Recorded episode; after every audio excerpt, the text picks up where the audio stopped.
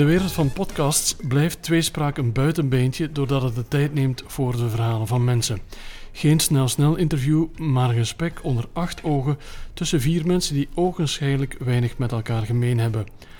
Aan de hand van tien onverwachte vragen staan ze stil bij wat het leven te bieden heeft, maar ook waarin het tekort schiet of steken laat vallen. Welkom trouwens bij episode 49. Nog eentje te gaan voor ons gouden huwelijk, Pieter Jan. Dat klopt, Steven. En het is nu al pre-party. Michael Shack is zowat de bekendste drummer van België en die speelde als live drummer bij Clouseau, Ozark Henry, Soul Sister, Milk Inc., Netsky, Reggie Life en vele anderen.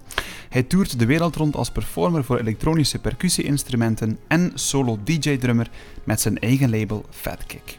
Brenda Frooyen kreeg een psychose na de geboorte van haar derde zoontje en schreef er het boek Kortsluiting in mijn hoofd over. Ze was een van de voortrekkers van de vernieuwingsbeweging in de geestelijke Vlaamse gezondheidszorg.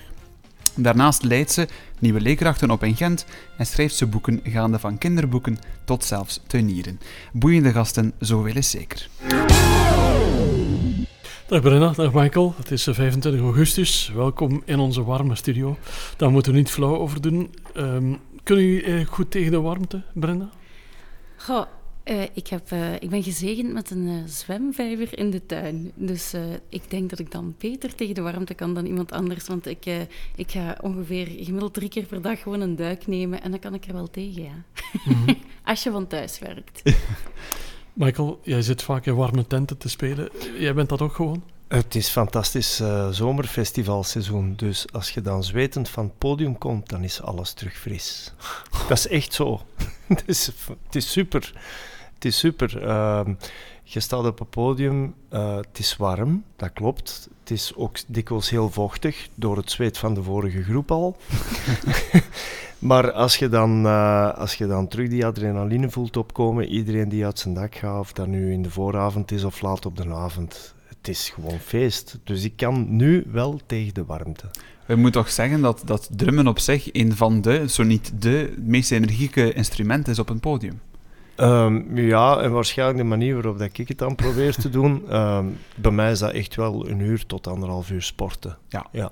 Maar dat heeft ook met de speelstijl en, en, en mijn eigen inzet te maken. Ik sta tegenwoordig zowel bij Reggie als bij mijn solo DJ-drummer shows ook recht uh, rechtop te spelen. Dus ik zit niet op een kruk. Dat heeft het voordeel dat uw broek aan het zitvlak minder nat wordt, maar de rest klopt er wel af. Dat is de ja. Ja. ja. En dan zegt jouw, zo, jouw horloge activiteit gestart. Nee, nee, nee, daar begin ik niet mee. Je hebt zo inderdaad van die muzikanten die dan doen alsof dat ze aan joggen zijn, maar zo erg is het. Dus ik ga niet mijn ringen sluiten door, door beats te spelen. Ah, ja, Nee, dat is Want ik heb, ik heb dat als ik lesgeef, dan zegt hij activiteit begonnen. Ja, maar zo...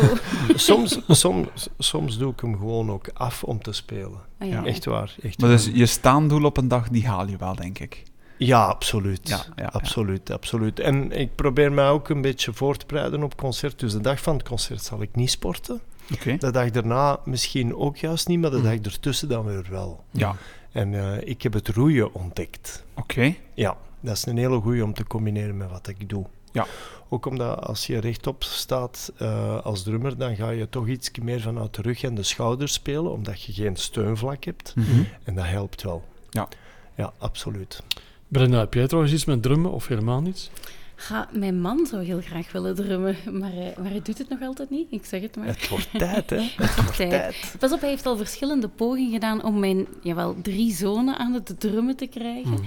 Uh, en misschien komt die vonker nog wel eens. Maar het is... Uh, het, het, het, traditionele muziekonderwijs, uh, dat, is het, dat is niet het pad voor mijn zonen, alleszins. Want dat, dat, dat boeit hen niet. Dat hebben we al geprobeerd, maar daar zijn ze mee gestopt. Dat is heel goed dat ze dat direct hebben laten merken. Ja. Nee, ja. Je bedoelt de klassieke piano en gitaar? Ja, die, die weg zijn ze opgegaan met de klassieke pianoles. Maar nee, nee dat is te moeilijk en, en dat, is, dat is kaninchen gehupveld over die wiezen. Ja, ja, dat, dat, is niet motiverend om te spelen op de piano. Nee. nee, maar ik kan wel zeggen, een goede drumsessie denk ik dat je een zware week of een goede week dat je er allemaal uitslaat. Ja, en one-on-one les is, heeft nog altijd zijn waarde. Hè. Ik ben ook een heel groot voorstander van online les, mm -hmm. omdat ik ook via Drumeo dan, uh, dat is zo het grootste drumportaal ter wereld, heel veel mensen bereik. Uh, dat gaat dan meestal via livestreams. En dan merk je wel dat de honger heel groot is. Mm. Maar tegelijkertijd zitten daar ook oudere aspirant drummers bij, die in der tijd op de muziekscholen of in het klassieke muziekonderwijs echt Mhm. wel de wind van voor hebben gekregen en daar zijn afgehaakt. Spijtig genoeg, hè, want Mhm. er zitten misschien talenten tussen die, die Ja. uiteindelijk groot hadden kunnen worden. Voor, voor we naar de vraag gaan, toch nog iets over de inleiding, Brenda. Jij bent begonnen met eh, boeken over gezondheidszorg en nu ga je schrijven over tuinieren.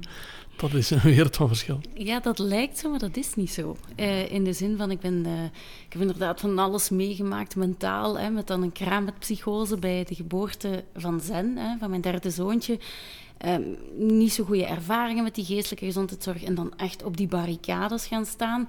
En altijd wel een beetje gezocht ook naar nieuwe balans, van wat, wat moet ik hiermee? Heb ik nu een kwetsbaarheid? Of oh, en mensen die dan zeiden, ja maar Brenda, je bent veel te creatief, je hebt veel te veel ideeën, je, hebt veel te, je moet rustig, rustig, je moet mediteren, je moet yoga, je moet... Ja, krijg Oh ik, God. Ja, ja van, ik ben er niet voor gemaakt, ik kan niet op een mat zitten. Ja. Dus ik was altijd... Mensen gaven maar adviezen, wat blijkbaar heel veel mensen wel rust in vinden, maar ik vind daar geen rust in, want ik ben niet van het rustige type. Mhm. Ik vind rust in actie. Ja, dus ik, Ja. dus ik had zoiets van, ik, ik moet iets vinden. En toen kwam corona, toen mochten we nergens meer naartoe. En toen zag ik eigenlijk pas onze tuin liggen. Dat is gewoon een stuk grond van bijna 4000 vierkante meter, die daar nogal verwilderd bij lag. En toen dacht ik, hm, misschien moet ik dat doen. En het vreemde is dat dat een ongelooflijke rust brengt. En dat ik nooit mijn tuin heb gezien als een stuk natuur, maar meer een verlengde van mijn woonkamer waar, even, waar het even rommelig was. Maar dan ben ik beginnen tuinieren en het boek dat er ook aankomt in, in 2023, eh Mild tuinieren, is eigenlijk ook een boek dat gaat niet over hoe moet je tuinieren, maar wel hoe komt dat dat in je tuin werken zoveel rust en zoveel balans en evenwicht kan brengen. En dat is eigenlijk die connectie met de natuur die ik vreemd genoeg pas in 2020 precies heb gevonden met Ja. corona. Ik, ik eh, mag daar even op Ja. inspelen. Yoga bijvoorbeeld is voor veel mensen iets heel belangrijk, maar dat wordt eh, echt healend of genezend op het moment dat het ook een passie wordt. En iemand die jou zegt, ja, je moet yoga volgen of je moet dit of dat doen, dan doe je dat niet uit passie. Dan is dat eerder uit een, oei, ik zal dat maar proberen, maar de meeste mensen houden dat ook niet, genoeg, Nee. niet, niet lang genoeg vol. Er zijn inderdaad ook hypes, maar als je echt ehm, een gepassioneerd yoga-beoefenaar solo of in groep, en je hebt daar de juiste begeleiding in, of de juiste mevrouw of meneer die je daarin wegwijs maakt, dan is dat een ongelooflijk groot succes. Hè?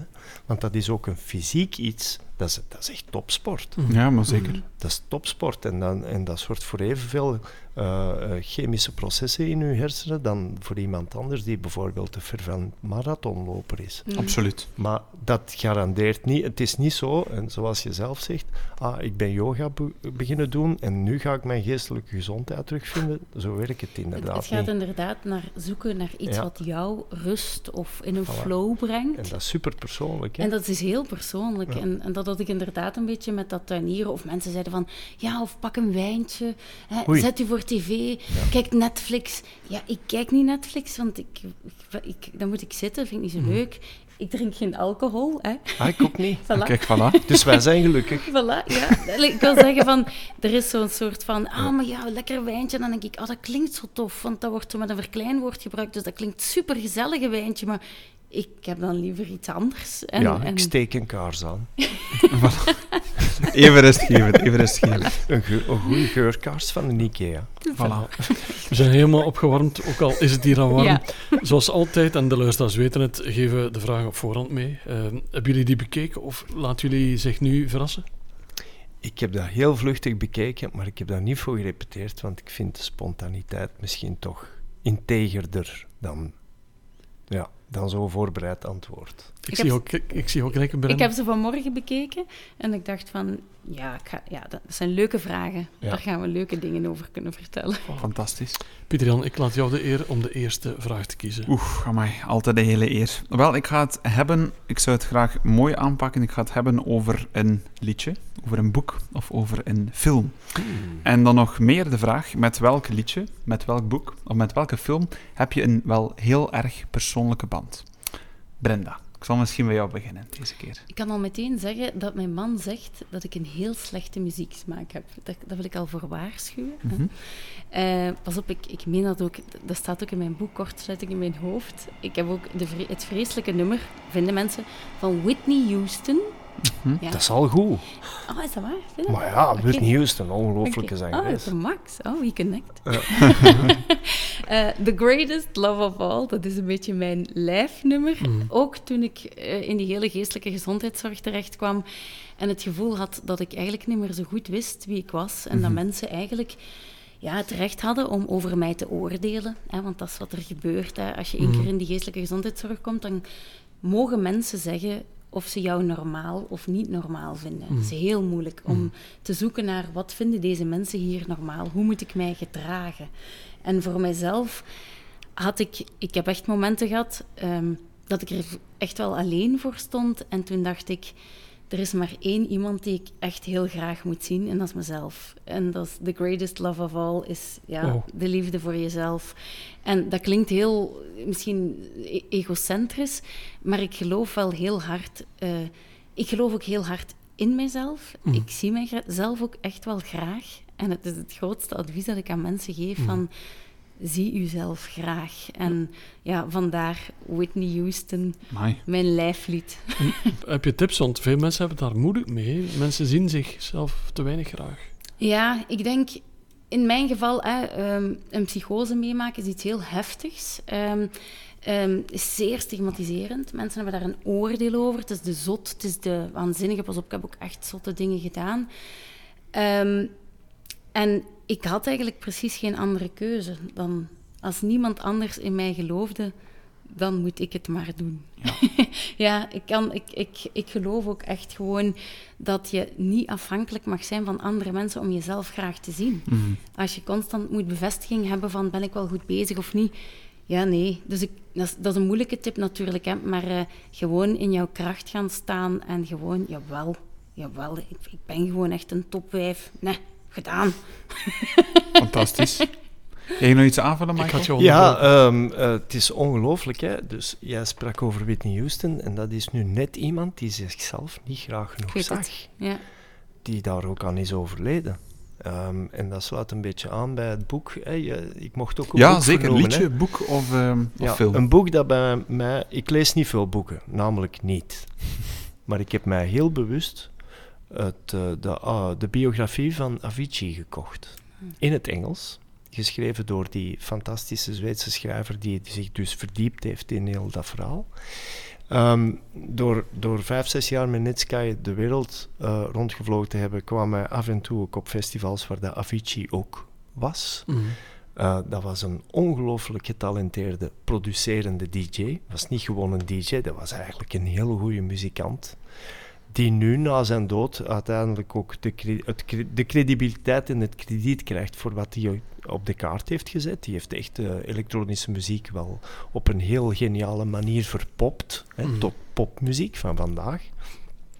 Ehm, maar wij, eh, wij zijn onderweg. Ja, we hebben bijvoorbeeld in Miami die bewust. Eh, dat was op, eh, m- ehm, in Miami op het elektronisch muziekfestival ook die bewuste hospitalisatie meegemaakt. Doordat hij had daar een heel hotel afgeboekt en ineens ging zijn mainstage act niet door omdat hij gehospitaliseerd was. Spoedoperatie, alcoholvergiftiging en heel die nest. Dus wij hebben ook, wij hebben ook gezien wat gebeurt. Wacht hoor, een klein momentje. Ja, dus, en op, eh, dus ondanks zijn groot succes, dan toch. eh, die had een heel grote onzekerheid, namelijk die had podiumangst. Maar hij werd ook geleefd, onder andere ook door zijn management. Kom aan, we moeten nu scoren, we moeten nu alles doen. Die had ook geen leven niet meer. Die sliep zogezegd op een privéjet, maar dan was die ook. Hè, dus die vlogen de, van Australië naar Amerika en de volgende dag moest hij dan terug ergens anders in Europa zijn. Dat is, dat is afmattend, hè. Dat is, eh, dat is een aanslag op je lichaam. En dan zijn onzekerheid, af en toe wat alcohol om, om zich op podium beter te voelen. Dus dat is dan in extreme gegaan. En hij heeft zich ook uh, gemanifesteerd naar zijn management toe en naar zijn bookingsagenten. Zo van, mannetjes, uh, ik kan dat niet blijven volhouden, want volgende week moet die single af en ik wil vooral met die single bezig zijn, maar ondertussen... Dus, dus ja, die is dan in een, in een soort... ja, zeer erge situatie terechtgekomen, waar dat heeft gezegd, stop, en die is daar spijtig genoeg niet meer te boven gekomen. Hè? Want er waren ook bijvoorbeeld nog wereldtours gepland. Hij is dan bij zijn management weggegaan. Hij heeft dan zelf een beetje uh, gezocht naar andere mensen om zich te omringen. Heeft het rustiger aangedaan, maar elke keer dat er zo'n tour aankwam en niet ver voor die tour toch weer cancelen, uit, uit schrik. Hmm. En dan uiteindelijk toch het leven gelaten in een, uh, een dramatische hervalling naar ja, uh, maar als je, je moet, ik raad iedereen dat boek aan. Uh, en dan zullen ook de meest fervente jazzmuzikanten misschien respect krijgen voor diegenen die elektronische muziek maken. Want dat is ook soms een beetje zoek. Mm -hmm. Het artiestenleven is op alle vlak, voor welk genre dat je ook speelt, kan zeer, zeer fijn en zeer triggerend en zeer positief zijn, maar het heeft ook voor sommige mensen zijn een andere kant. Onder mhm. andere mentale gezondheid heeft daar mhm. heel veel mee te maken. En hoe ervaar je dat zelf als muzikant? Ik ben de positieve een, kant of de Oh, ik ben een absoluut positief ingestelde, zeer extraverte muzikant. Ik, ik, het podium is mijn biotoop. Ik doe niks liever dan mijn instrument spelen en, en de mensen te doen dansen. Ik drink ook geen alcohol. Ik heb daar nooit zin in gehad. Ik heb mij ook nooit... Uh, uh, um, ik heb nooit, uh, uh, ik zeg maar iets, een joint gerookt of weet ik veel wat. Ik heb dat niet nodig. andere mensen die vinden daar wel heel veel plezier en genot in. en wij leven perfect naast elkaar. Ik heb in groepen gezeten waar dat er wel uh, bijvoorbeeld uh, af en toe is iets uh, um, ja, passeerde. passeerde of waar dat het rijstaartje, het, suiker van de rijstaart zonder rijstaart werd geserveerd.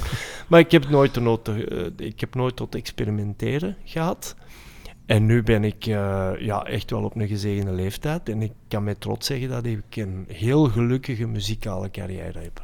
Dus moest COVID bijvoorbeeld nu uitgemond zijn in iets waar dat er nooit niet meer zou gespeeld worden, dan had ik mezelf al erbij neergelegd van, mm. ah wel, ik heb 30 jaar de, de ziel uit mijn lijf gespeeld en ik heb daar absoluut heel hard van genoten. Maar nu zijn we terug vertrokken, dus het kan niet beter. voilà. Ja.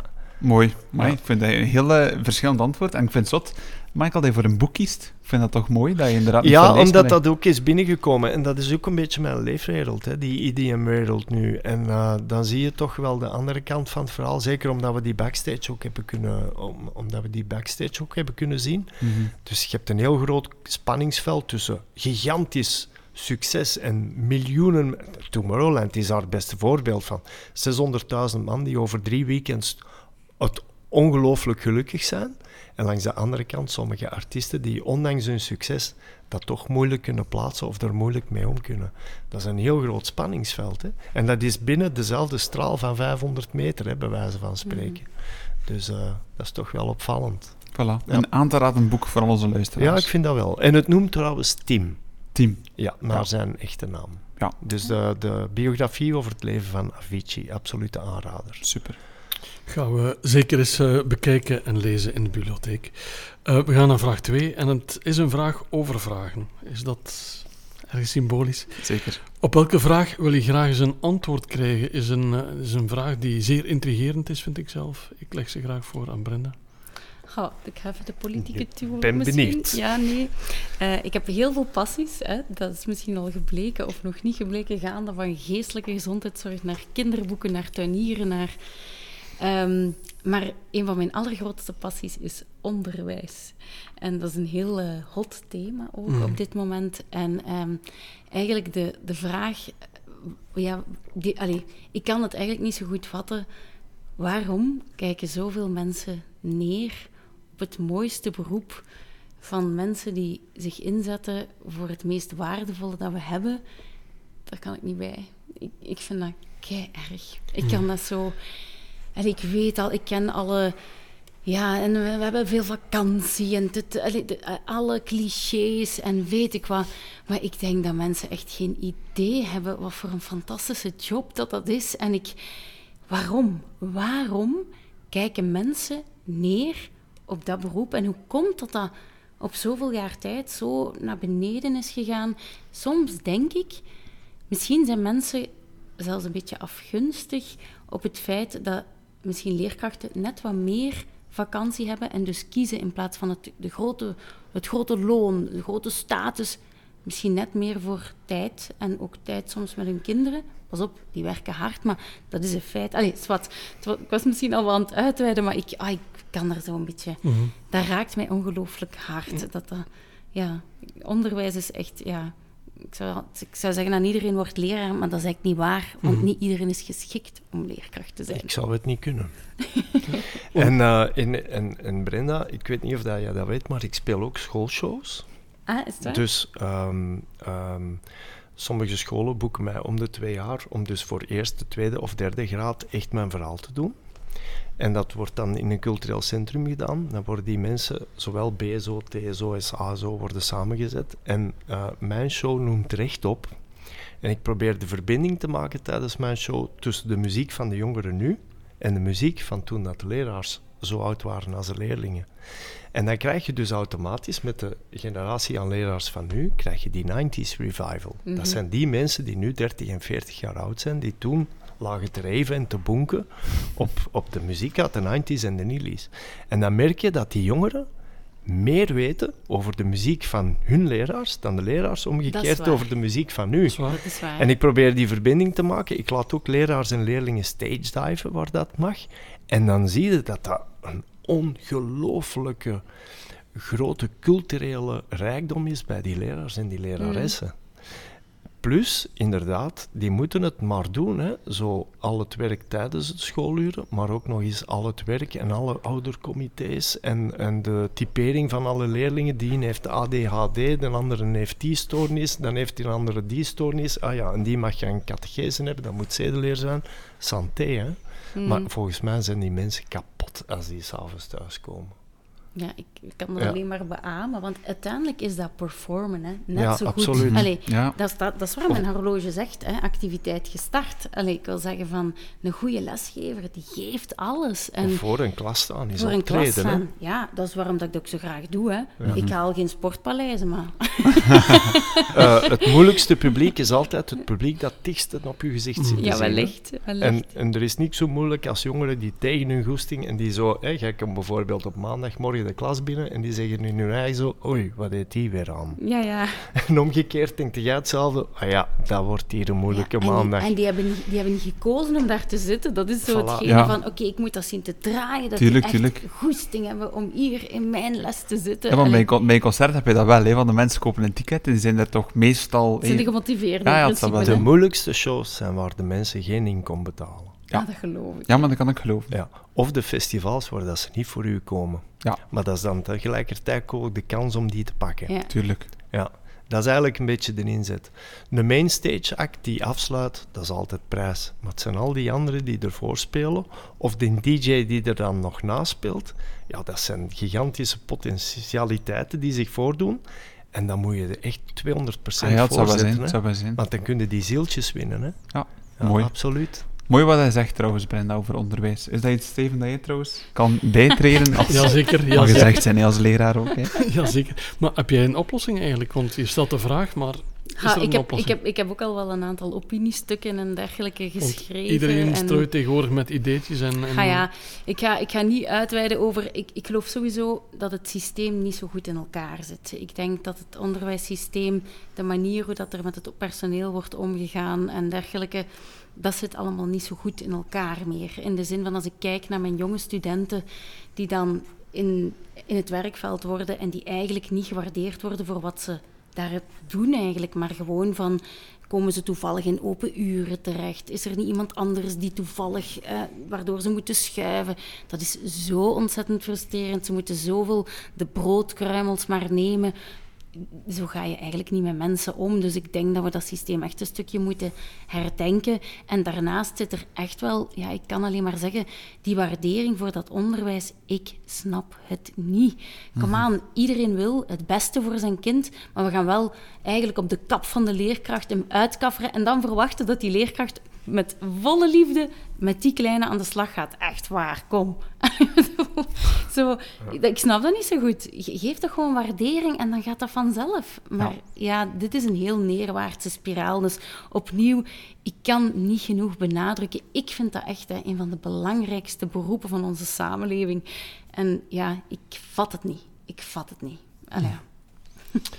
Mooi, we kunnen daar nog uren over Ja, ik weet het, ik weet maar het. misschien na de uitzending, Voilà. Brenda, als dat Ja. goed is voor jou. Absoluut. Michael, je hebt ook een vraag in jouw hoofd waarop je graag een antwoord ooit wil krijgen. Ja, ik snap niet waarom dat mensen zich zo laten vangen aan conspiracy theories. ik vind dat verschrikkelijk. Ik bedoel, je moet ervan uitgaan dat als je in één iets gelooft, dan ga je op het internet altijd iets vinden dat dat bevestigt. De aarde is plat. Er zijn mensen die dat op het internet verdedigen. Ehm, zwarte zijn minder waardig aan witte mensen. Er zijn nog altijd mensen die daar op het internet een heleboel theorieën over. Ik bedoel, het nazisme is er ook nog altijd. eh ultralinks is er ook nog altijd. Bedoel, je vindt alles op het internet wat dat je wilt geloven. Maar op zeker moment stopt dat toch wel. Op zeker moment is er toch maar één waarheid. En bijvoorbeeld tijdens eh, corona is dat gebleken. Hè? Er is maar één iemand waarnaar je dat je moet luisteren als je ziek wordt, en dat is naar uw dokter. Als jij naar de dokter gaat en jij hebt bijvoorbeeld een kankerdiagnose ehm, eh, gekregen, dan moet je beginnen vechten.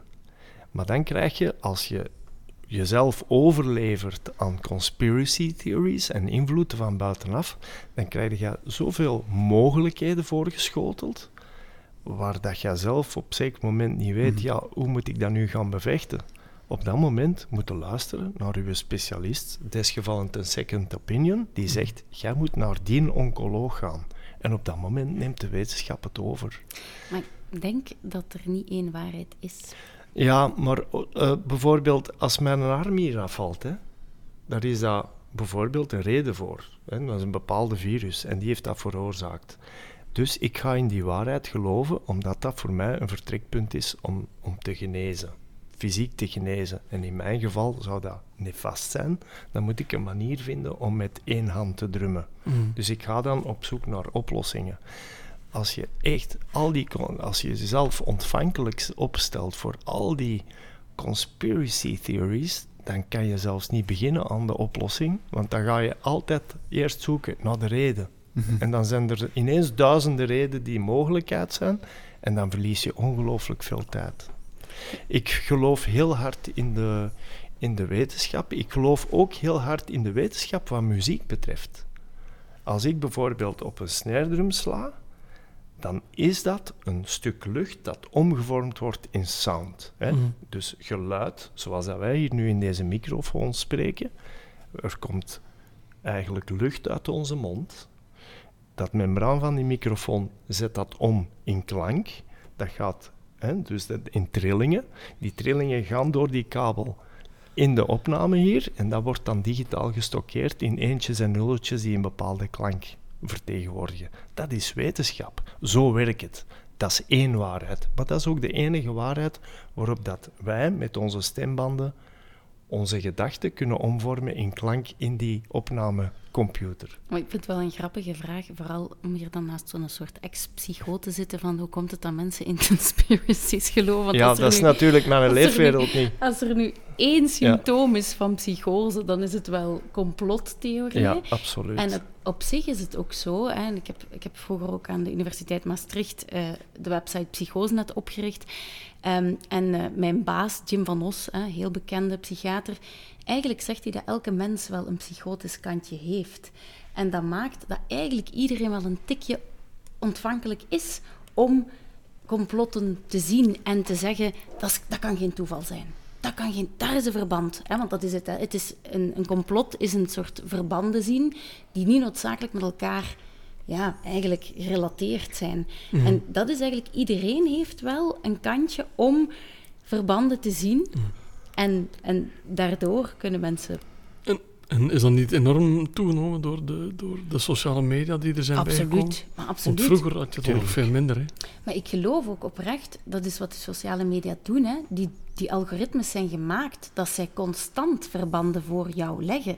Dus eigenlijk induceren die als het ware ook wel een soort ja, ik ga dat niet, zeggen psychose, maar dat, er worden heel veel verbanden gelegd. Je kan ook op een bepaald moment, als je dat soms ziet, dat is creepy, hè, dan zeg je van, "Goh, ik ben aan het babbelen over sportschoenen en even later zie je een advertentie over sportschoenen en denk je, oeh, hm, dat is raar. Ik vind dat goed getimed. Ja, maar ik wil zeggen, dat kan voor sommige mensen zoiets zijn, dat Ja. kan geen toeval zijn. Ja. Ja. hoe is dat?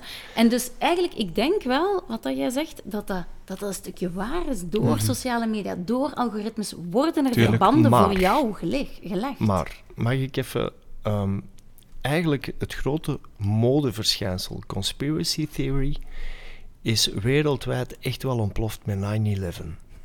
En dan waren er nog niet zoveel social media. Je had wel al een beetje. Nee, was nog geen Facebook ook niet. En die 9-11, dat is een heel goed voorbeeld van iets dat gebeurd is. Dat plots door heel veel mensen werd gezegd, dat is de CIA en de FBI en toestanden. En zo. Terwijl dat het ondertussen echt wel als een paal boven water staat, dat er inderdaad twee vliegtuigen met die charlatans in die gebouwen zijn gevlogen. Ik heb een beetje een, een, een heel goede band met New York. Dat is mijn favoriete stad. Ik ben er ook al meer dan 30 keer geweest. Dus ik heb mij echt verdiept in het 9-11 gegeven. Ik vond dat dramatisch. Ook omdat ik zelf ook op dat gebouw heb gestaan. Dat heeft mij heel hard, emotioneel heel hard gepakt toen. En als je kijkt naar de voorbije gebeurtenissen waar dat complottheorieën echt verpopulariseerd zijn, of waar dat, dat echt iets heel populair is geworden, dat is echt met 9-11 gebeurd. Mhm. En ook Ja. denk ik een beetje het feit dat, dat mensen vandaag gewoon kunnen zeggen wat ze denken. En dat ze weten dat ze een draagvlak hebben, alle social media, omdat... Onder op te het mom van vrije meningsuiting Ja, ja. wordt er ook heel veel bullshit verteld. Ja. En dat is toch wel een vraag die ik mij tegenwoordig stel. Hoe kan het zijn dat zoveel mensen zich zo gemakkelijk laten vallen, eh, laten vangen, terwijl dat ook hun omgeving bijvoorbeeld tegen hen zegt, ja maar Mhm. stop daar eens mee, je maakt je eigen zot eigenlijk. Ja. Ja. Dus dat is wel iets, dat is wel een, een antwoord op, Ja, voilà, kijk, dus inderdaad, eh, als er een draagvlak is, dan kan het zo ver gaan of je Ja. zelf, eh, zelf. Ik vind het trouwens fantastisch dat je elkaar aanvult in die vragen. Altijd leuk om zo'n podcast Ja, te we doen. hebben nog geen ambras gehad. ja. Nog niet. Volgende vraag. Voilà. De volgende vraag gaan we het hebben over, als het mag Steven, kleine gelukjes. En dan voornamelijk, Dat vind ik een heel mooie vraag, is ehm, welke kleine gelukjes maak je intens blij? Brenda. Ik heb een, een nieuw ontdekt klein geluk. Mhm. Ehm, we hebben een Speedylek gekocht. Ik weet dat mensen daar ook op kunnen afgeven. Hè. Maar ja, ik moet van Moerbeke naar Gent komen, dat is 30 kilometer. En ik dacht, we gaan het toch doen met de fiets. En eh, ik ben nog maar pas begonnen, hè, want eh, de hogeschool is terug opgestart sinds 16 augustus. Maar hallo, hoe tof is dat? Dat is machtig. Dat is fantastisch. Echt waar. Ongelooflijk. En ik rijd daarop en ik rijd dan door de velden. Hè, want ik heb eigenlijk een hele fijne route langs beervelden. En, dat is, en s ochtends vroeg, ik zie de zon opkomen. Ik ben helemaal alleen, dus nog niet zoveel. Ik ben ook een ochtendmens. Hè. Is heerlijk in de stilte de dag zien wakker worden. Op de fiets gewoon rijden. En, oké, sorry, ook denken... En ik verdien hier nog aan ook. Want Fietsvergoeding. ik krijg een fietsvergoeding. en dan denk ik, waarom zijn we dat niet allemaal aan het doen? Je wordt daar gelukkig van. En ik krijg soms ook gewoon auto's voorbij. En dan toeter ik. Dat is Ja, want hoe snel doe je ongeveer? Zo'n Ja, pas op, je moet daar wel mee oppassen. Hè, want je kan daar wel heel snel mee. Maar gelukkig, er zijn ook echt... ehm, 45 per uur. ja, 45 per uur doe je Mhm. er wel mee. Want anders, ja, en ik moet zeggen, ik heb eigenlijk maar het verschil met de auto is om en bij de 10 minuten. 10 Ja. à 15 minuten, dus ja, dat is, dat niks. Hè. Pas op, spreek met mij in putteke winter. Hè. En ik wil zeggen, dan kijken of mijn klein geluksje nog hè, altijd er helpt. is. Maar nu heb ik zoiets van, ik heb dat net ontdekt. Ik vind het fantastisch en ik, heb dat, ik mag dat elke dag beleven, dat gelukje. Dus dat is echt eh, mijn nieuw ontdekt gelukt. En eh, tijdens corona was dat in de, elke ochtend wandelen met de hond. Dus sowieso... Ja, iets buiten. Ja, altijd Ja, buiten ja. is nu fietsen, is nu wandelen. En eigenlijk, ook al ben ik heel extravert, he- gewoon met mezelf. Ja. En met mijn hond, wifi. Want, Ja. je, want je zei in het begin, je zei in het begin, het was niet zo evident en de maatschappij ziet dat ook niet altijd even positief. Hoe heb je jezelf overtuigd om toch die stap te zetten dan? Naar, naar de Speedylek bedoel je dan? Ja. Ga, ehm, ik, eh, ik ben eigenlijk heel, ja, ik ben, zoals vele mensen waarschijnlijk, ik ben heel bezorgd om het klimaat. En ik probeer heel erg na te denken van, wat kan ik doen? Hè? Ik, ben zo, ik ben een gigantische idealist. Ik geloof heel hard in, yes we can. En ik geloof altijd van, en ik ga daar dan al mee beginnen bij mezelf. En voor mij was dat dan van, oké, okay, ik, eh, ik ben ook vegetariër en ik probeer te kijken van... Maar ik wil niet vanuit dat negatieve van... Oeh, wat? Je pakt de auto of wat? Oeh, je hebt gevlogen of wat? Want dat werkt niet, want dan worden mensen, voelen ze zich aangevallen. Ik heb gewoon zoiets van... Ik, voor mezelf, vind dat belangrijk. Ik heb het gevoel dat ik iets kan doen. Mhm. En ja, dan was er de Speedylek en dat is Mhm. nu mijn... eh, hè, want Mooi. Ja, dat is zo mijn, mijn, mijn, mijn klein maniertje om de wereld mooier en blijkbaar die van mezelf ook mooier te maken. Zo'n beetje verbeter de wereld, maar begin bij jezelf. Ja, echt wel. Ja. Misschien een, naam. ja, Ja. een mooi idee voor een boek in 2024. Mild speedy lekken. Ik voel toch iets komen. Michael, heb jij een, ja, sowieso kan niet anders, een klein gelukje? Ik heb een klein gelukje, de haak staat op dat van Brenda. Oei, oei. Maar ik heb wel ook eh, ja, een scooter gekocht Ah, ja, om in stad in Antwerpen veel vlugger vooruit te gaan. En Voilà. ik word daar ook zielsgelukkig van. Als je al die auto's passeert. Maar ik heb dus nog een gewone fiets. Ah, maar dat is oké. Ja, maar dat is super. Die rijdt wel geen 45, Nee. maar ik haal toch wel 35, denk ik. Maar, maar wat, mijn klein geluk, intercontinentaal vliegen. Oké. Echt. Ik heb zo... Ja, ik wou vroeger eigenlijk piloot worden.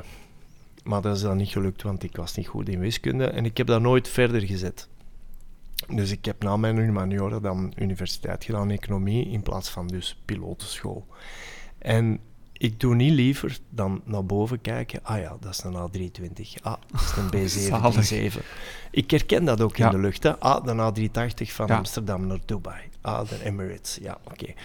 Maar ehm, door, dankzij mijn muzikale activiteiten, op een zeker moment ben ik dan voor Roland Japan eh, kunnen beginnen eh toeren als drummer. Dus verschillende muziekbeurzen, heel veel in Azië, ook in Noord-Amerika, Zuid-Afrika, Australië, Nieuw-Zeeland. En ik deed niet liever dan lange intercontinentale vluchten. Met de KLM of met Air France en Brussels, dat was toen nog niet intercontinentaal op een zeker moment.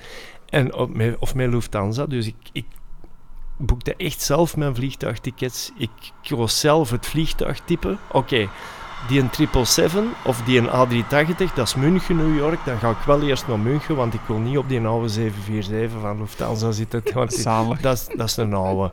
Dus ik wou echt altijd de, de laatste nieuw. En dan maak ik mijn nestje, of dat dat nu in economy of eh, premium economy is, speelt geen rol.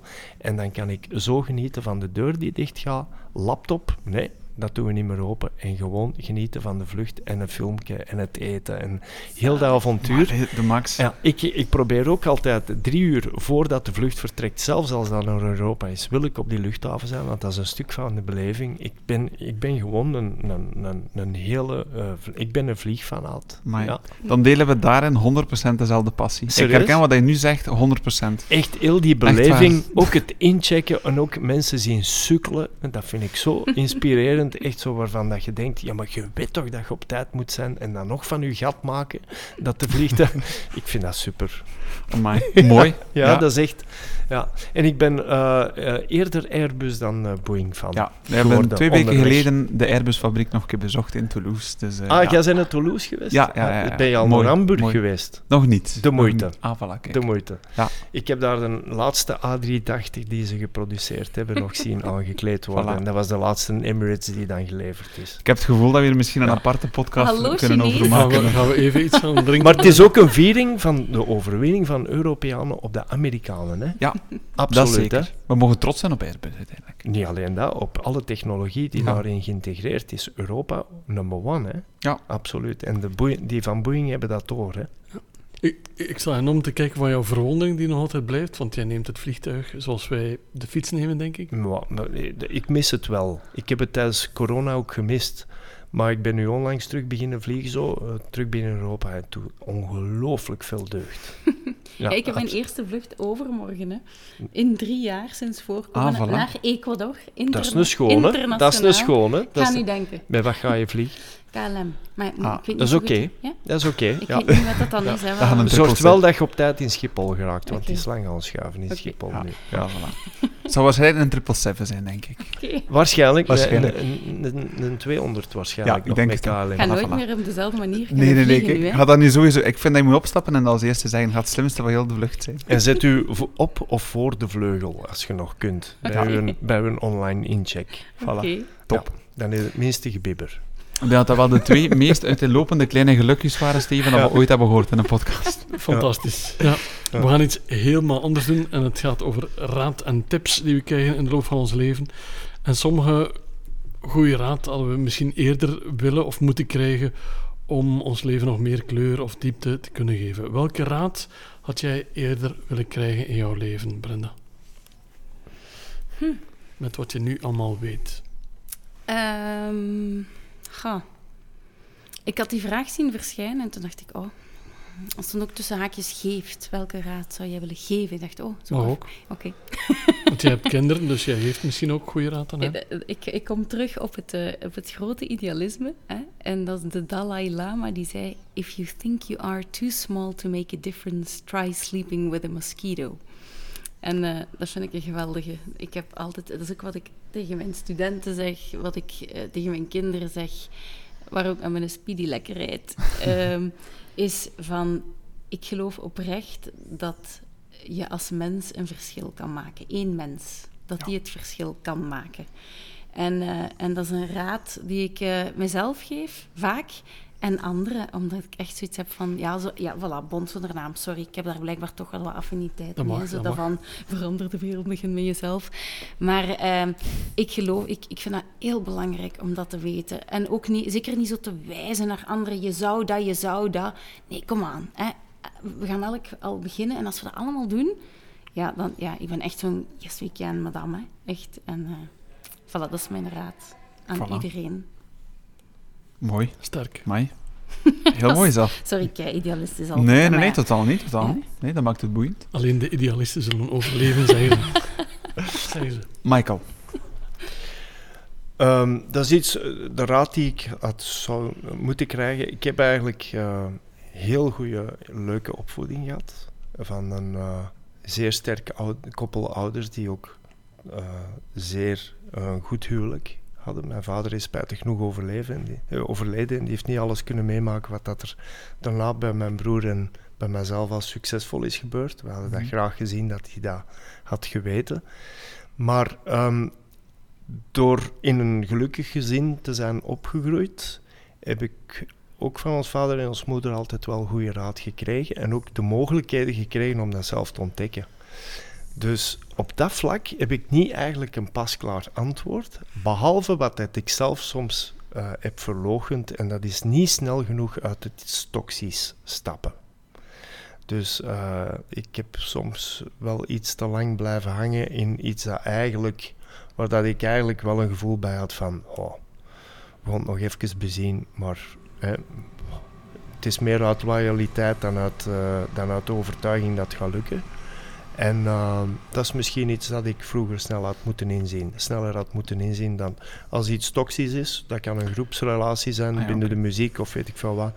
Vroeger eh, kom af mee maken en niet te lang in blijven hangen. Ja. En was het dan voornamelijk omdat je het moeilijk had om die beslissing te communiceren naar jezelf Ah, of aan de ander? Nee, want die beslissing, er- je komt er eigenlijk wel snel achter dat het Mhm. misschien niet is wat dat je gedacht hebt, Ja.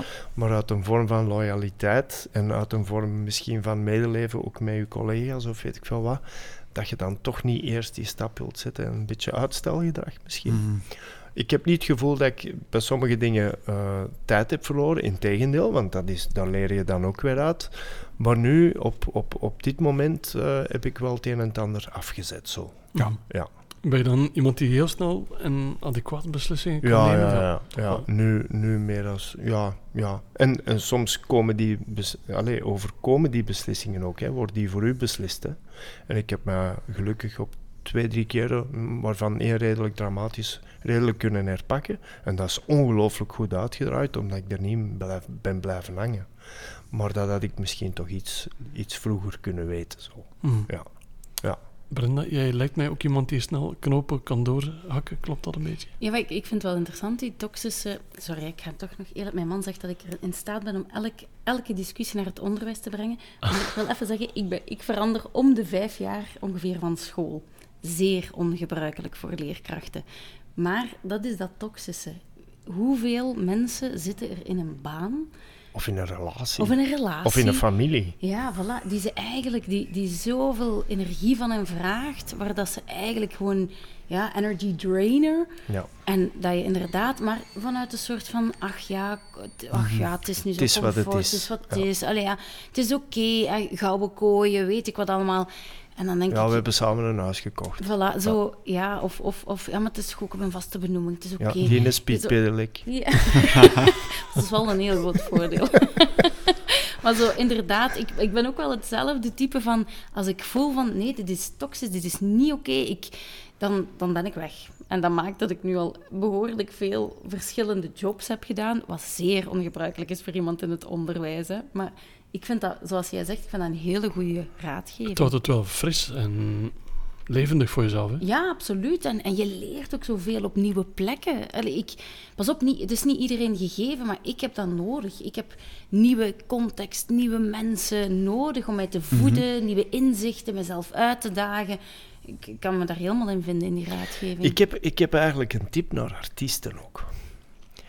Ehm, als je ziet dat het volk op zeker moment, hè, uw publiek, bijvoorbeeld in een theatershow, als je ziet dat het publiek op zeker moment begint op te staan en weggaat, dat wil zeggen dat uw show niet goed is. Dat wil niet zeggen dat die mensen die show niet begrijpen, want die hebben daar een ticket voor gekocht en daar moeten respect voor hebben. En ik pas dat ook op mezelf toe. Bijvoorbeeld als ik naar een show ga kijken of naar een optreden en ik vind het niet goed, dan ga ik gewoon weg. Maar dan ga ik niet tot het einde blijven en dan mijn eigen opboeien en dan bijvoorbeeld online smijten hoe slecht dat het wel was. Nee, dan ben ik al weg, dus dan hoef ik, ik er niks meer over te schrijven. Want dat is allemaal heel subjectief. Maar als, als artiesten, en zeker mensen die vooraan staan, en dat heb ik onder andere geleerd door achter Reggie te staan. En, en eh, dat is iemand die zeer begaan is met zijn vak. Die ook perfect kan aanvoelen wat dat het publiek wil. Ik heb daar heel veel van geleerd, vooral Mhm. door het sportpaleizen te doen. Dan speel je, je speelt echt voor de mensen. Je speelt niet enkel voor jezelf, maar als, op het moment dat je en voor jezelf en voor de mensen speelt en dat komt samen, dat is fantastisch. Dan zitten samen, eh, mensen zijn, het publiek is een deel van een show.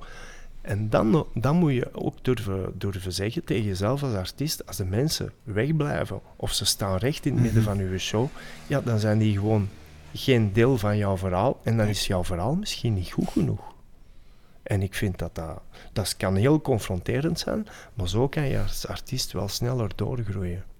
Amai. Ik denk dat dat heel belangrijk is.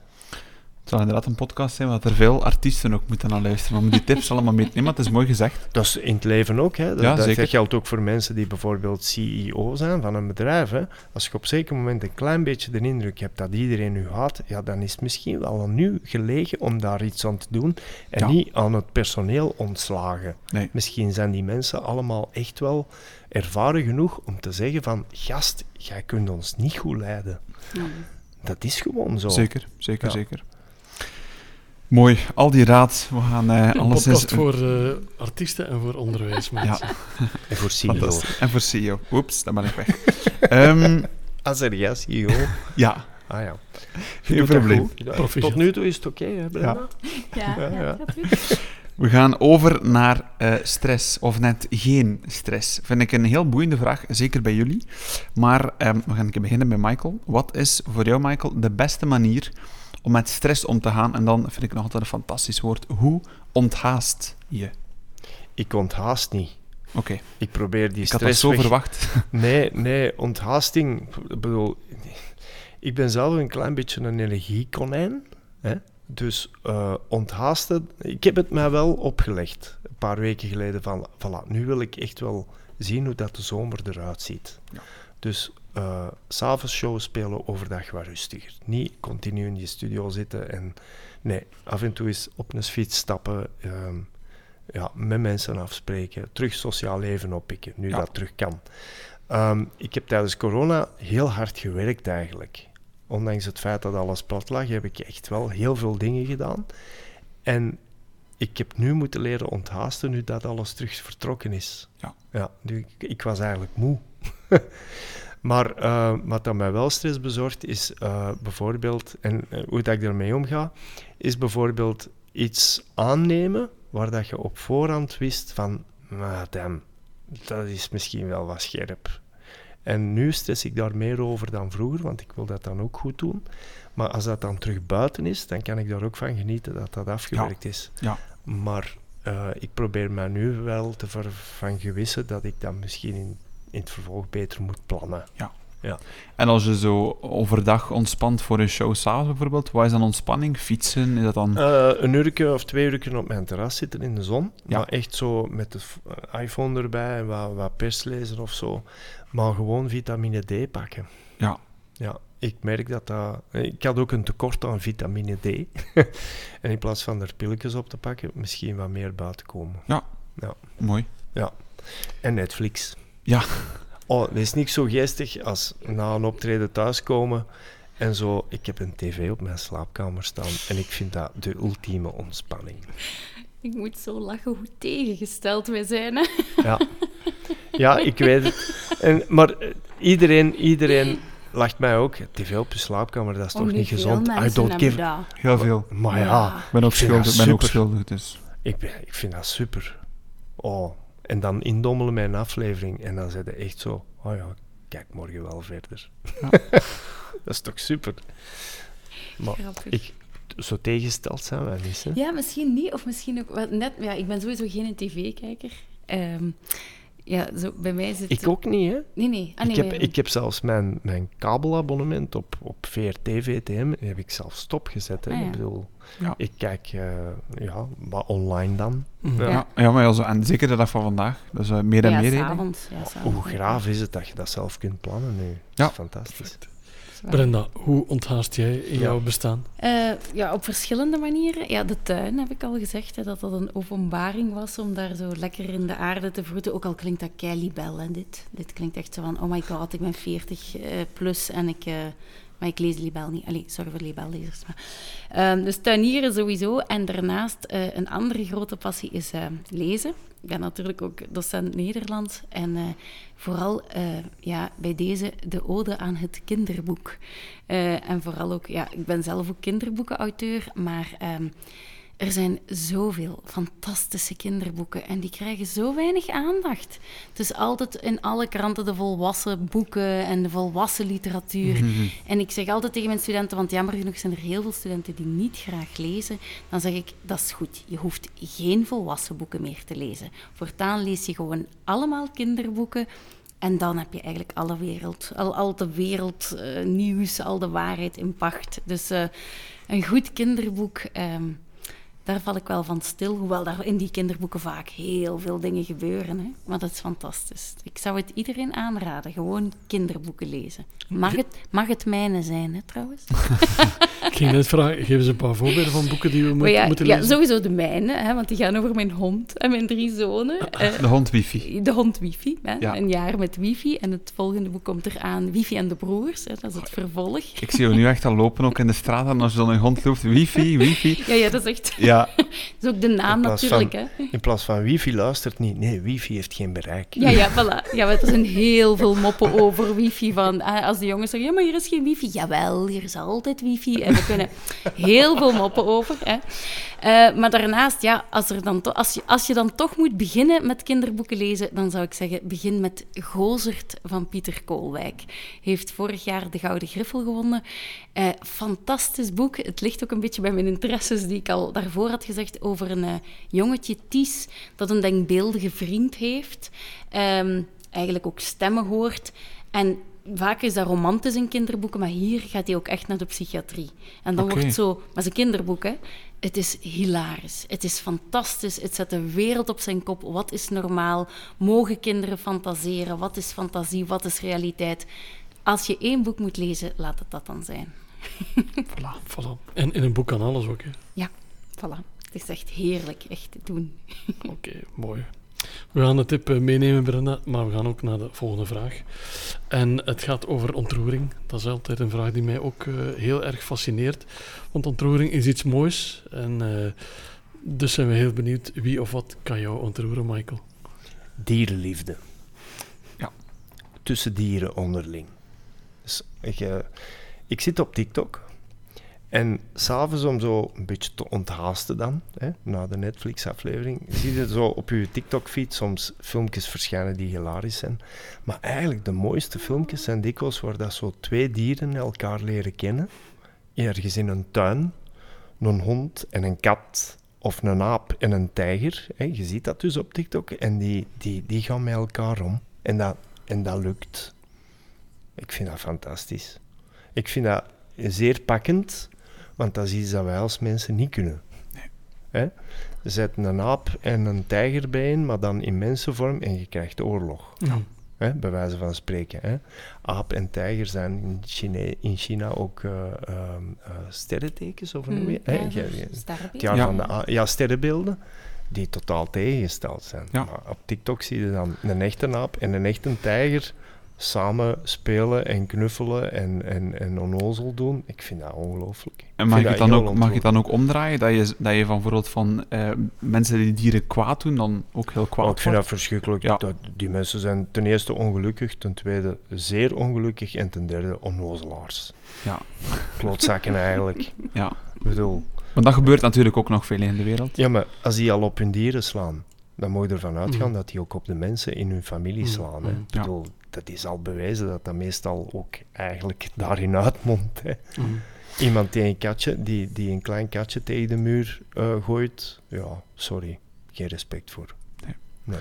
Dus dierenliefde. Dat is een mooi... eh, Onderlinge dierenliefde ja, voor. onderlinge dierenliefde als Ja. een troering van Michael. Ja, Is, dat, is dat een beetje herkenbaar? Wifi en zo? eh, Ja, wel, ik moet zeggen, mijn man ontmoet? heeft dat eigenlijk ook wel. Die komt ook altijd met filmpjes af van, ah, kijk hier, die honden.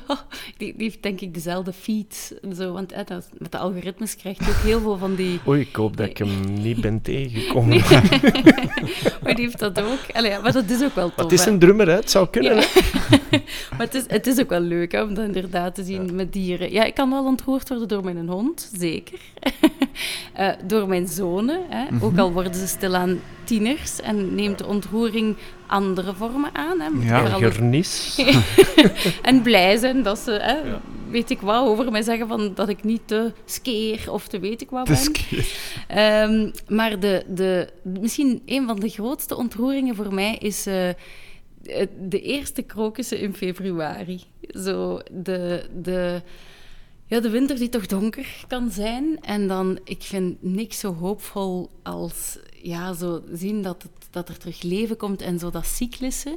En ehm, een van mijn eh, motto's is ook van eh, Ernest Hemingway. Eh, stond ook in een van mijn boeken. But you knew there would always be spring. En voor mezelf is dat, hè, omdat ik ook echt een heel donkere periode heb gehad, is dat een ongelooflijke ja, een zekerheid in het leven. Van eh, ja, daar zijn ze, de krokussen. Ja. We zijn er door en er gaan nog donkere dagen komen. En het gaat niet ineens bloemenpracht en zon en weet ik wat, maar zo. Ik kan daar heel hard door ontroerd worden. En zeker als dan de eerste hommels komen of de eerste metselbijen of weet ik wat. Ik, ja, dat is... Dat is eh, ja, daar kan ik echt helemaal... eh, dat is ook mijn klein geluksje. weer. Ja, ja, maar sowieso. Ik zal dan een krokus op mijn speedylek zetten. En ook weer de, ook weer de link met tuinieren. Dat is ook ja, mooi. voilà. Ja, Ja. Ja, Mijn Fantastisch. speedylek is platgevallen, maar daar staat een krokus op. voilà, voilà. dat? Belangrijk. ik daar toch, hè? Goed, ik denk dat we al eh, mooie ontroeringen hebben meegekregen vanavond. Dat was een inspirerende avond. En ik ga er een van mijn favoriete vragen aan koppelen. En die gaat over trekjes. En dan concreet de vraag, welke trekjes laat je niet snel aan anderen zien? Welke, ja, eh, laten we zeggen, eigenschappen, trekjes heb je dat je niet zo snel toont aan anderen? Ik zie zo'n klein glimlachje bij Michael, dus ik weet niet of je een idee hebt of niet. Of toch wel, of meerdere misschien. Ik ben ongeduldig en ik doe dan als, alsof ik zeer geduldig ben. Ja. Ja. Zo van, ja, ja, maar doe maar op het gemak. Kloten, verdoemen. Allee, is dat nu weer niet in orde? Moet die soundcheck nu? Allee, gast, kom aan. Ja, nee, geen probleem. Is het echt? Ja, ja, ja, absoluut. En heb je het al geprobeerd om het te uiten, je ongeduld? Of is het echt een les van... Ah, mijn, ehm, ik, ik vind dan wel een manier om, om duidelijk te zeggen op zeker moment... mm, Ja, Ja, en dat zeg ik dan niet, maar dan pak ik het over. Ja. Eh, bijvoorbeeld, ik zeg maar iets, een drumfestival, soundcheck, ergens in, eh, eh, bijvoorbeeld in Maleisië. En die soundgast, echt waar, die was zo begaaid, die was zo poepeloeren. die had waarschijnlijk zoveel problemen thuis, die bakte er echt niks van. En ik probeerde die dan in het Engels uit te leggen via de tourmanager. Dan, ja, maar we moeten het zo doen en zo doen en zo doen. En uw DI's kloppen niet en dat marcheert niet en uw micro staat verkeerd en zoveel. En hij zei, no problem, so we fix, we fix. En dan, oké, fix het dan. Ja. En dan gaat hij niet vooruit en op een zeker moment doe ik dat dan zelf. En dan gaat die pineuter dan nog tegen een organisator vertellen dat ik de moeilijke ben, in plaats van mezelf. Maar ja, dan pak ik het over. Ja. ja maar dat is zo'n trekje dat ik zo lang mogelijk probeer uit te stellen. Met ouder worden heb ik dat ook een beetje leren beheersen. Maar ik word poepzenuwachtig van wachten. Ja. ja. Ook muzikanten die, een muzikant die met mij meerijdt bijvoorbeeld, en die dan vijf minuten later, na vertrektijd, vertrektijd, laat weten dat hij te laat gaat zijn, die heeft er bij mij gelegen. die rijdt niet meer mee. Nee. Nee. Oké. Ja. Dat Dus een- ik zal dan niet zeggen van, jij mag niet meer meerijden, maar ik zal, nee, het zit vol. Ja. Ja. Terwijl dat dan niet is. Dat is een heel eerlijk trekje, Ja. zeggen. Ja. Mooi. Zeer herkenbaar, trek je wel. Want ik werd erdoor geïnspireerd. Ik had niet meteen een antwoord. En ik moet zeggen, dat ik, ik sluit wel heel erg aan. Ja, eh, zo het ongeduld, maar ook een beetje eh, de opvliegendheid. Ja. Zo, ik, ik, kan, ik kan echt wel... Ik kan echt wel uit mijn krammen schieten. Eh, mijn kinderen noemen dat de Frojaanse furie. Hè? Zo dat, Oh. Ik het frooien. Ja, voilà. En dat is echt zo. En ik probeer altijd, ah, kom aan, Brenda, kom aan, geduldige moeder, mild. Hm, kijk, eh, ja, kom maar. Ruim je alsjeblieft je sokken op. Hm? Ja, oké. Kom je alsjeblieft van de PlayStation af. En ik denk dan, kijk, kijk wat een liefdevolle moeder Ik ik, vind ben. nu al irritant. Voilà. Ik hou het niet, ik haal het ook niet, ik haal het niet. Nee. Dan wordt dat zo, dan verandert dat in kampwaas. Ja. Het ene uiterste aan het andere. Dan ineens is het op. Dan is het vol. En dan is het van... Mama, naar beneden. Dan denk ik, oh nee, Brenda. Oh, ik wou zo En dan heeft dat ook impact, hè? Ah, Ja, maar dat is zo erg. Ik wil altijd zo de tieniemoeder zijn. En zo, zie mij in mijn bloemenkleed. En ach, kijk, zo liefdevol. En kom jongens. En, dan, en dat lukt niet. Die luisteren niet. Komen jullie de vaatwas uitleggen? Komen jullie de vaatwas uitleggen? Echt eh, nul. En dan, mannen, ik tel tot drie, als je dat niet... En dan denk ik, maar hoor mij nu weer. Echt waar. Ik denk, ja, ik... ah. Dus ja, eigenlijk heb, ja, verhul ik het niet zo echt, hè. Nee. Ik had het graag. Ik wil, ik wil graag de tieniemoeder zijn. Maar ja, misschien lukt dat ook niet zo met drie zonen. Of- Maar je hebt het nu aan ons verteld, maar misschien dat andere mensen dat op zich niet echt weten. nee, voilà. in mijn klas doe ik dat niet, hè. Nee. nee, nee. Mama! Nu, pas op, ik kan... Ja, mijn, mijn, mijn bijnaam bij mijn vriendinnen is wel de Piranha. Dus ja, dat geeft het wel wat aan. Zo, oh, kijk wat een lief visje, maar zo schattig. Dat klinkt niet echt vegetarisch. ook Nee, dat is waar, dat is waar. Nee, dat is ook altijd een beetje... Oh, kijk, dat ziet er een schattig visje uit. Ham! Ja.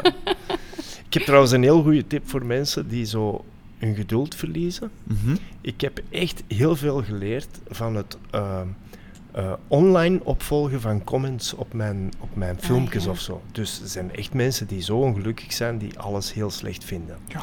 Maar als je een manier vindt om daar komisch op te antwoorden, dan is dat eigenlijk een overwinning ten opzichte van je natuurlijke reactie van, weet je wat, kust me kloten, jij zit ook nog klootzak. Nee, ik probeer dat dan niet iets grappig om te, om te vormen. Bijvoorbeeld, ik zal jou dan volgende keer niet op de gastenlijst zetten. En dan heb ik ontdekt dat je daar ongelooflijk veel reacties op krijgt. Dus door zoiets heel onnozel te antwoorden, plots gaat de interactie van je page omhoog en krijg je ik weet niet hoeveel volgers bij, omdat je dat op een eh, min of meer komische, belachelijk simpele manier hebt kunnen counteren. Ja, dat is, heb net, ik- dat is goed. hoor. Die Omgekeerde psychologie Mm. een Oh, beetje. ik heb mij met corona geamuseerd tot en met. Hè. Zo gasten die zeggen, en jij laat u toch niet vaccineren? En ik, en ik zo, jawel jong, ik wil weten hoe, hoe, hoe die een trip is. Terwijl dat je weet dat... En dan die gasten, die weten dan meestal, eh, fuck you, en dit en dat. En dan wordt die kwader en kwader en kwader. En dan zeg je, ik hou u op de hoogte. Fantastisch. maar dat is net een- hoe dat je het eigenlijk moet doen, hè. een beetje die omgekeerde Mm. psychologie. Maar ja, en dat marcheert dus keigoed. En dan ontdekte, dan ontdekte ook hoeveel partners in non-crime dat je hebt. Ja.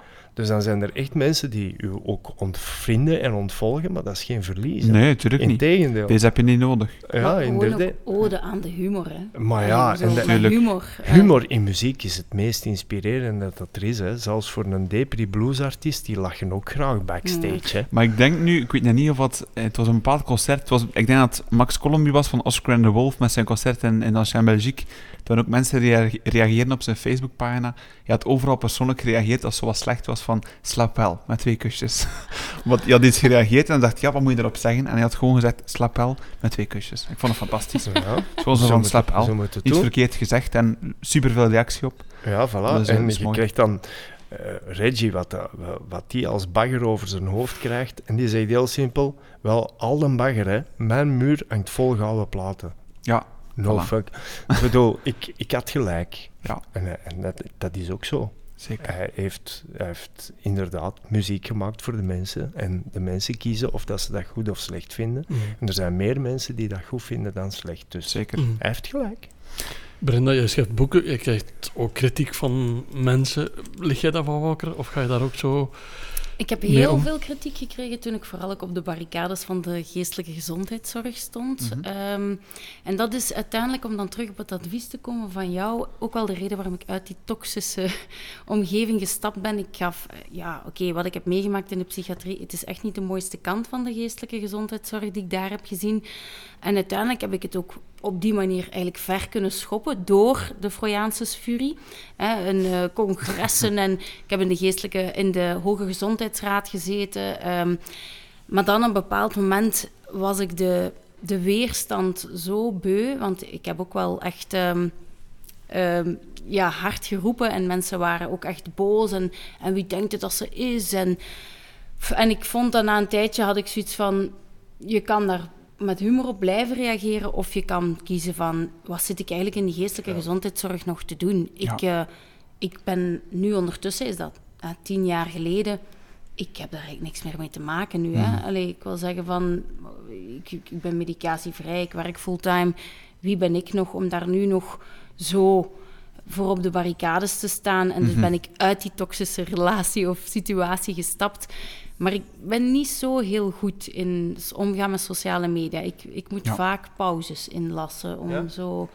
Ik vind dat toch een heel... Ik heb er een moeilijke relatie mee. Maar ik merk ook wel dat, dat we hebben het er ook al over gehad, dat dat draagvlak social media de dag van vandaag ook wel wordt ehm, meer aanvaard, omdat het oké is om een pauze te nemen. Mm. Als je kijkt bijvoorbeeld in bekende acteurs, zoals bijvoorbeeld een, een Tom Holland in Amerika, heeft Mm. gezegd, stop, ik, ik delete alles, ik heb er geen nood meer aan. Ik vind dat wel straf. Mm. Dat je zegt dat als persoon van, ik stop ermee. En ik begrijp dat ook meer en meer. Mm. Mensen die zeggen van, ik kijk er gewoon niet meer naar.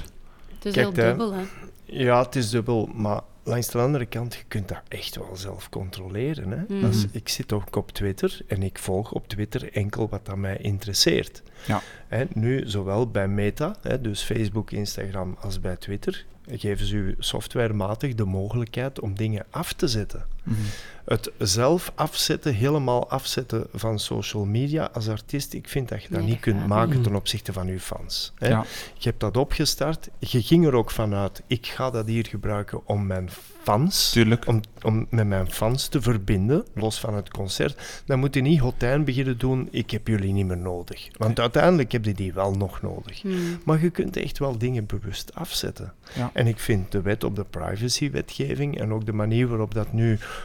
ook naar auteurs en componisten meer en meer gaat rekening gehouden worden met dat digitaal consumeren van muziek en social media en zo verder. Ik vind dat een grote stap vooruit. Mensen die nu afhaken, ik ben ervan overtuigd dat die dat te vroeg doen. Ja. Want het zou wel eens kunnen dat dat nu naar een betere versie gaat evolueren. Maar daar heb je die influencers en die mensen met miljoenen volgers ook voor nodig om die impact te halen van die Ja, positieve tuurlijk. veranderingen. Mhm. Dus ja, ik begrijp wel dat sommige mensen het misschien mentaal gezondheidsgewijs moeilijk hebben met het altijd geconfronteerd worden met hun eigen, hè? Mhm. want je wordt ook een publiek figuur. Tuurlijk. Maar langs de andere kant kun je eigenlijk, zeker als je invloedsrijk Mhm. bent, kun je daar ook een hele positieve rol in Ja. spelen en een beetje mee testen. Mhm. Mm. Dat is mijn, inst- dat is mijn mening daarover. Ik moet als eh, podcastmaker ook een beetje de tijd in de gaten houden, Steven. We hebben eigenlijk nog tijd voor één laatste vraag. Ah, nu De timekeeper.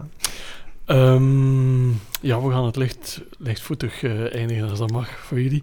Eh, het gaat over mensen die ons inspireren in ons leven. En soms zijn dat de buurman om de hoek, of de postbode, of de melkboer. Maar dat som, soms zijn er ook mensen die in de media komen of eh, die belangrijke dingen realiseren. Welke beroemdheid, enkelvoud of meervoud, kan jou inspireren of heeft jou al geïnspireerd, Michael? Stevie Wonder. Fantastisch, hè? Dat is, dat is, eigenlijk popmuziek zoals dat moet zijn. Ja. Iemand met een handicap die niet onoverkomelijk is om ook drums te spelen. is een fantastische drummer. Hè? Hij heeft eh, de, de meest iconische drumintro's van eh, Superstition, die heeft hij zelf ingespeeld. Hm. Ja, ja, heeft hij zelf ingespeeld. Fantastische pianist, fantastische zanger. En elke keer dat ik hem op YouTube zie verschijnen, blijf ik hangen. En ik ben dan ook een fervent aanhanger van metal en, en kruisbestuivingen. Ik ben grote fan van Rage Against the Machine, maar ook Mhm. van Dave Grohl en zo verder enzovoort. Maar er is altijd één iemand die komt bovendrijven en dat is Stevie Wonder. Ja, ik weet niet waarom. Ook omdat ik waarschijnlijk ook heel grote fan ben en ook heb leren drummen op, op eh, soul en R&B en P-funk zitten echt wel heel diep in mijn lijf. Mhm. En hij is volgens mij een van de meest complete muzikanten die er ooit geweest zijn. Mhm. En hij leeft nog. Ja. En ik heb dan ook nog het geluk gehad om hem persoonlijk te hebben ontmoet op de NAM Show. Ja. Dus de NAM Show is een, eh, was tot nu toe een jaarlijkse muziekinstrumentenbeurs. Die gaat elk jaar door, normaal gezien in januari in eh, Los Angeles. Ja, vlak over Disneyland in Anaheim. En hij is daar sowieso altijd ook met zijn gevolg bezig om allerhande nieuwe muziekinstrumenten te Mhm. testen en zo verder enzovoort. En eh, ja, op zekere een dag stond hij voor mijn drumdemo eh, te kijken. Maar te kijken, hè. Ja. Ondanks het feit dat hij blind is, die gast die kijkt. Die luistert niet alleen, die kijkt met zijn, met zijn gevoel. Amai. En dat was ja, dat is on- een ongetwijfeld episch moment in mijn, eh, in mijn muzikale avontuur. Dat ik die ooit van zo dichtbij... eh, Mhm. is ook heel grappig. Ja, Oké, ja. Ja, is ook heel grappig. So, those are plastic drums, man. They sound really nice. Want hij had een koptelefoon op. Dus eh, ja, Stevie Wonder, zonder twijfel. Want je spreekt van Superstition, maar Master Blaster, die intro, die, die drum, is toch Stevie Wonder. fenomenaal. hè? Ja, ja, ja, no, maar Superstition was vroeger, hè. Mhm. Ehm, ehm, ja, alle, alle platen die, die hij heeft gemaakt in de jaren 70, begin jaren 80, dat zijn allemaal epische albums. Stevie Wonder is volgens mij even belangrijk als de Beatles en de Stones en heel de nest. Je moet daar niet belachelijk over doen, dat moet je gewoon herkennen. Fantastisch. En Michael Jackson die heeft dat zelf ook altijd gezegd over Stevie Wonder, dus. Mooi. Ja. En hij leeft nog. Ik zeg Voilà. het nog eens, hij leeft nog. Dat is belangrijk. Ja. ja. Hij hebt hem ontmoet, Michael. Ja, allee, ja, heel Ja. vluchtig, maar dat was wel een heel speciaal moment, ja. Fantastisch. Ja. Want ik denk voor jou als muzikant dat die Motown, die, die, die soul-generatie toch wel heel belangrijk is. Hè? Ehm, ja, en ik heb ook bij een band gezeten waar dat ik dan mee professioneel ben geworden. Ik ben eigenlijk de, ik was de drummer van Blue Blood, hè. Dus, eh, dus ehm, eh, Mhm. op zeker moment kregen wij als Blue Blood eh, de kans om in Muscle Shoals Studios in ehm, Alabama te gaan opnemen. Ehm, dus dat is toen Luc nog leefde, hè, de Ja. bekende zanger van. Luke Water Jr. Ja, en BMG die zei, oké, we gaan dat doen. Tony Joe White gaat jullie single produceren. En Wow. eh, wij eh, we sturen jullie naar Muscle Shoals. En, eh, ongelooflijk, en ik heb eh, eh, deze week nog naar de Rita Franklin film gekeken, Respect. En Muscle Shoals komt daar natuurlijk in voor. Dus Mhm. ik ben daar in die studio geweest. Ik heb die platen zien. Ik heb die foto's gezien van die witte Alabama-muzikanten, Roger Hawkins en Spooner en zo, die inderdaad Respect met Rita Franklin hebben opgenomen daar. Roger Hawkins was op het moment dat wij er met Blue Blood en met Tony Joe White zaten, de studiomanager. Hij is onlangs overleden. We hebben altijd via Facebook contact gehouden. Ik was de jonge drummer en was een van de witte drumidolen die zoveel stacks en, en, en, en R&B-platen hebben ingespeeld. Maar dat waren witte muzikanten. Mhm. Terwijl dat de meeste zwarte muzikanten toen niet met witte muzikanten wouden samenwerken. Die, die film Respect is nu op Prime te zien, moet je echt eens kijken. Dus eh, racisme ging toen langs twee kanten. Hè? Mhm. Van wit naar zwart, maar ook van zwart naar wit. En eh, Roger Hawkins is onlangs spijtig genoeg overleven, Mm. maar dat is echt wel een belevenis geweest, ja, Oh, om- super. daar te kunnen opnemen. Ja. Ja. Pieter Jan, ik stel voor dat we nog eens een mu- muziekpodcast maken. Ja, we gaan echt niet anders. En, een- en een luchtvaartpodcast. Ongelooflijk, luchtvaart- Ik was, ook helemaal 24, 25 jaar oud en ik stond, ik stond daar in die studio op die drum te jassen en ik had zoiets van, fuck man, deze is echt wel ongelooflijk. Zot. Ja, ja. Amai, prachtig. Dus zeker kijken, Aretha Franklin, Respect. Hè? En daar, komen, daar komt dus het echte verhaal, onder andere van het nummer Respect dat daar is opgenomen. Dat is een eh, ongelooflijk verhaal. Super. Wauw. Stevie Oei, Wonder. En wat moet ik nu zeggen? Brenda. eigenlijk? En jij Welke, mocht gewoon uw welke beroemdheid inspireert jou? Goh, ik vind dat een hele moeilijke vraag eigenlijk. Zo, ehm, ik zag die vraag staan, toen, toen, eh, want ik heb ze doorgenomen toch, hè, maar nog niet op geantwoord. En ik, ehm, ik moest eigenlijk denken aan, ik blijf toch een beetje naar mijn Gardner. Hè. Ik moest denken aan Monty Don. Ik weet niet of jullie die kennen. Ja, kijk mensen, ja. Monty Don van BBC Gardener's World. Welcome to Gardener's World. Ja, pas op, hè. die mens heeft 1 miljoen volgers. Dat is misschien niet veel in ja. vergelijking met... eh maar dat is gewoon een tuinmens. Hè. Die heeft een tuinprogramma. Die praat zo heerlijk Brits. Echt zo... Een beetje David Attenborough. Ja, zo, ah, zo, maar zo, oh, zo heerlijk. Ook wel een beetje zo à la James Bond, maar dan Don, Monty Don. Hè? Zo. Ja. En die heeft dus een eh, programma op BBC. Daar kijken echt over de hele wereld kijken mensen daarnaar. Over hoe je een zaadje in de grond steekt. En iedereen is daarvoor geboeid en weet ik wat. En waarom vind ik dat zo'n inspirerende mens? Die heeft, dat, is, dat trouwens vaak mensen die iets hebben met tuinieren. Die heeft ook heel diep gezeten. Zeer zware depressie. Had een, was een echte zakenman. Echt, ik weet niet hoe hard gaan, gaan, gaan. Dus die heeft heel eventjes het licht zien uitgaan. En dan eigenlijk gewoon gezegd van nee, ik moet, ik moet gewoon in, in de aarde. Ik moet, ik moet beginnen vroeten in de aarde. En dat is nu, ja, ik kan alleen maar zeggen, wereldbekendste tuinman. En, eh, en vooral die zijn visie op, ehm, op tuinieren, die je dus ook in mild tuinieren vindt. Hè, zo van, ja, gewoon laat het een plek zijn waar de natuur ook gewoon zijn gang terug kan gaan. En wat is onkruid? Is gewoon, onkruid is gewoon een plantje op een plek die jij niet wil. Maar eigenlijk, ja, echt wel een, mooie, een hele mooie visie. Hele mooie podcast ook trouwens, in de zeer mooie Engelse accent. Eh, zeker de moeite om naar te luisteren. maar daar staat dus niks tegenover Stevie Wonder. hè. Zo'n beetje... Maar dat is even belangrijk. ja, maar ik vind, dat, ik vind het echt heel mooi. Ik kende die mensen niet, maar dan Mhm. met dat tuinier zo wat op te nemen en zo. En dat is echt, die heeft zo'n mooie podcasts en met zoveel liefde over een stel planten. Mhm. Dan denk ik, "Mwah." Ja, Fantastisch. mooi. Vooral dat Brits accent, denk Ja, ik. dat Ja. is het, hè. Volgende keer, Pieter Jan. Ja.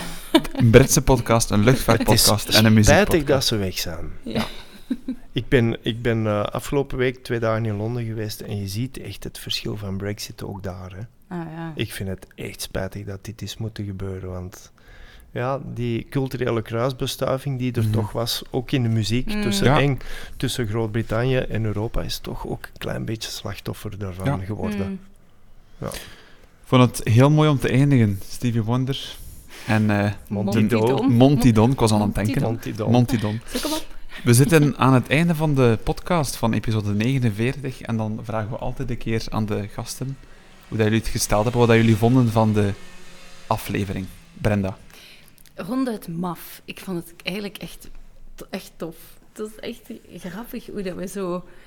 Ja, totaal verschillende werelden. En dan hoe dat je toch raakpunten hebt Ja. vanuit die verschillende werelden. Mhm. En ah ja, ja, ik vond het heel leuk. Heel leuk om Super. te doen. Ja. Ik vind dat elke podcast minstens inspirerend moet zijn. Niet alleen voor de mensen om naar te luisteren, maar ook om hem te doen. Ja. En eh tien op tien.